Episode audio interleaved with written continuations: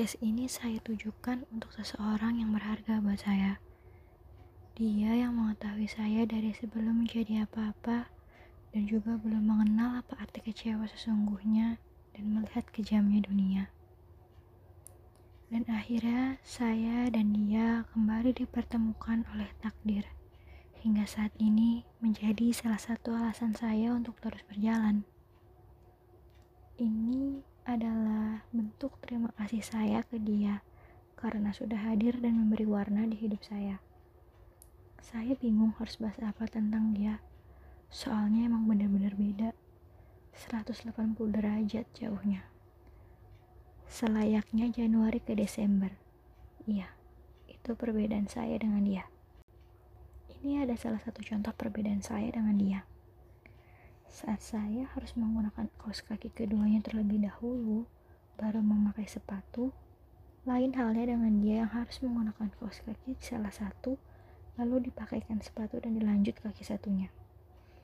Aduh, saya dan dia langsung geram saat saling tahu hingga beradu argumen. Dan akhirnya dia pasrah mengalah. Udahlah, kita emang gak akan pernah sama. Terus ketawa bukan hanya sekali dua kali. Mungkin hampir semua hal saya dan dia berbeda. Dia pernah bertanya, apa saya suka salah satu buah yang dia sebutkan saat itu. Dan saya langsung menggeleng keras. Saya melihat dia senyum sumringah. Akhirnya ada yang sama. Eh, tapi kayak ada yang salah gak sih kalau kita punya kesamaan? Lagi-lagi, saya dan dia memang gak boleh sama ya ketidaksukaan yang sama aja kadang masih suka dibantah.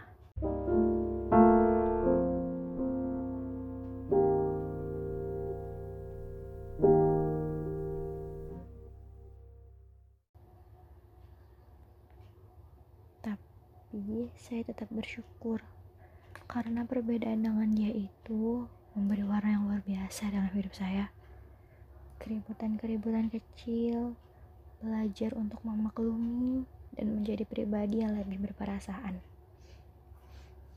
Iya, saya menjadi lebih menghargai sesuatu saat saya mengenal dia lebih jauh. Dia memiliki perasaan yang halus selembut sutra, tidak seperti saya yang kurang peduli, kasar layaknya aspal. Ada salah satu sifatnya yang terkadang membuat saya jengkel yaitu menikmati bahagianya dengan melihat orang lain bahagia dari jauh. Saya pernah tanya, kenapa sih harus kayak gitu? Apa coba alasannya? Terus dia jawab,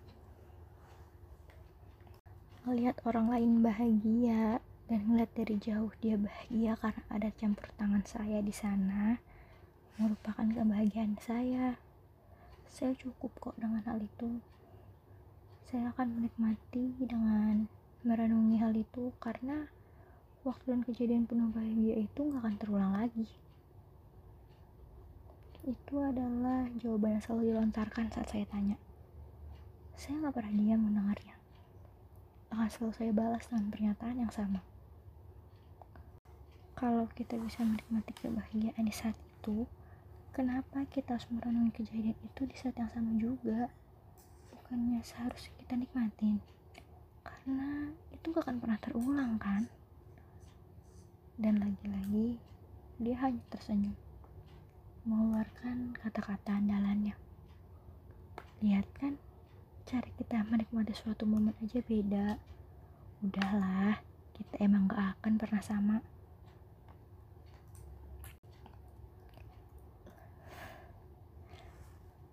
Aduh, saya nangis lagi. Maaf ya. Ya, lagi-lagi perbedaan itu. Saya merasa dekat dengan dia. Dekat sekali. Tapi selalu ada garis perbedaan yang terbentang yang membatasi. Mungkin lama-lama garis itu akan semakin melebar dan membuat saya dan dia semakin menjauh suatu saat nanti entah kapan. Tapi ada satu hal yang membuat saya yakin dan percaya bahwa garis pembatas itu akan selalu tetap pada posisinya karena Dengan tangis intinya dia pernah mengatakan kalau saya berharga buat dia. Seberapa kadar berharga saya untuk dia, saya gak pernah bisa ngitung seberapa banyak. Semuanya misteri. Namun ada bukti yang menjelaskan siapa saya untuk dia. Sebuah pesawat kertas, salam pengirim berbentuk hati, lukisan kecil yang belum sempurna jadi, dan pelukan hangat yang bisa saya bawa ke mana pun saya mau, meski tidak dengan manusianya. Dan juga aroma parfum yang terbayang seperti apa.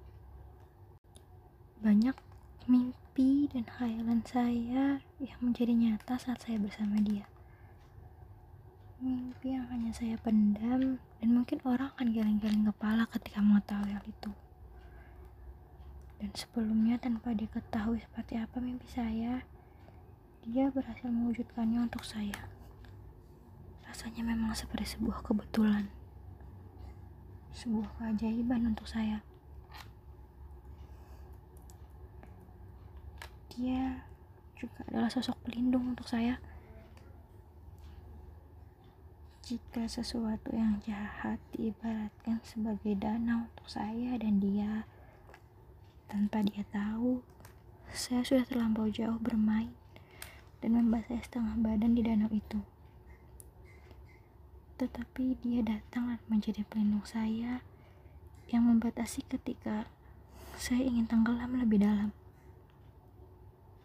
Dia tidak marah besar saat itu juga ketika tahu apa keinginan saya soal tenggelam lebih dalam itu. Tapi saya tahu, saya bisa lihat rasa kecewanya seperti apa. Karena bukan cuma dia, saya juga berusaha melindungi dia untuk tidak sekedar bermain di pinggir, apalagi tenggelam seperti yang saya inginkan.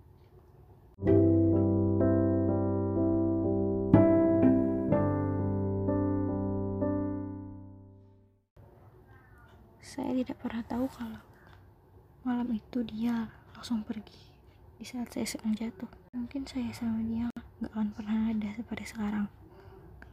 Dia yang menerima cerita saya di hari itu memberikan arti besar untuk hidup saya selanjutnya. Sekarang saya ingin berterima kasih sama dia. Semoga kamu dengar ya terima kasihnya saya.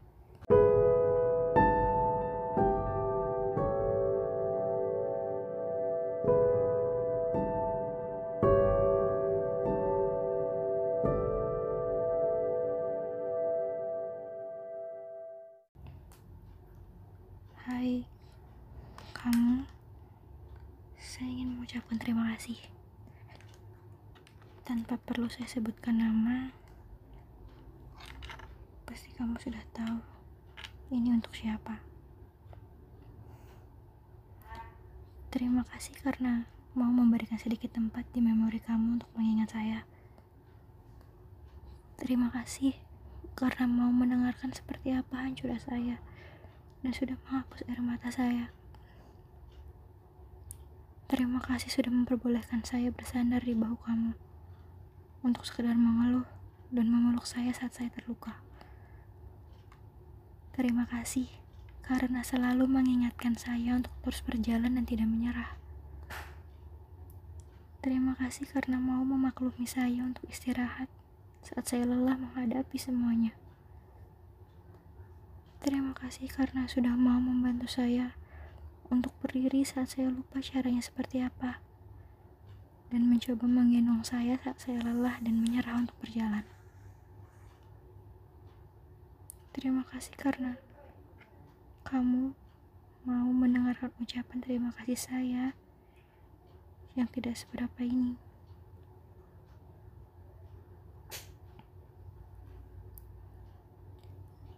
sekali lagi.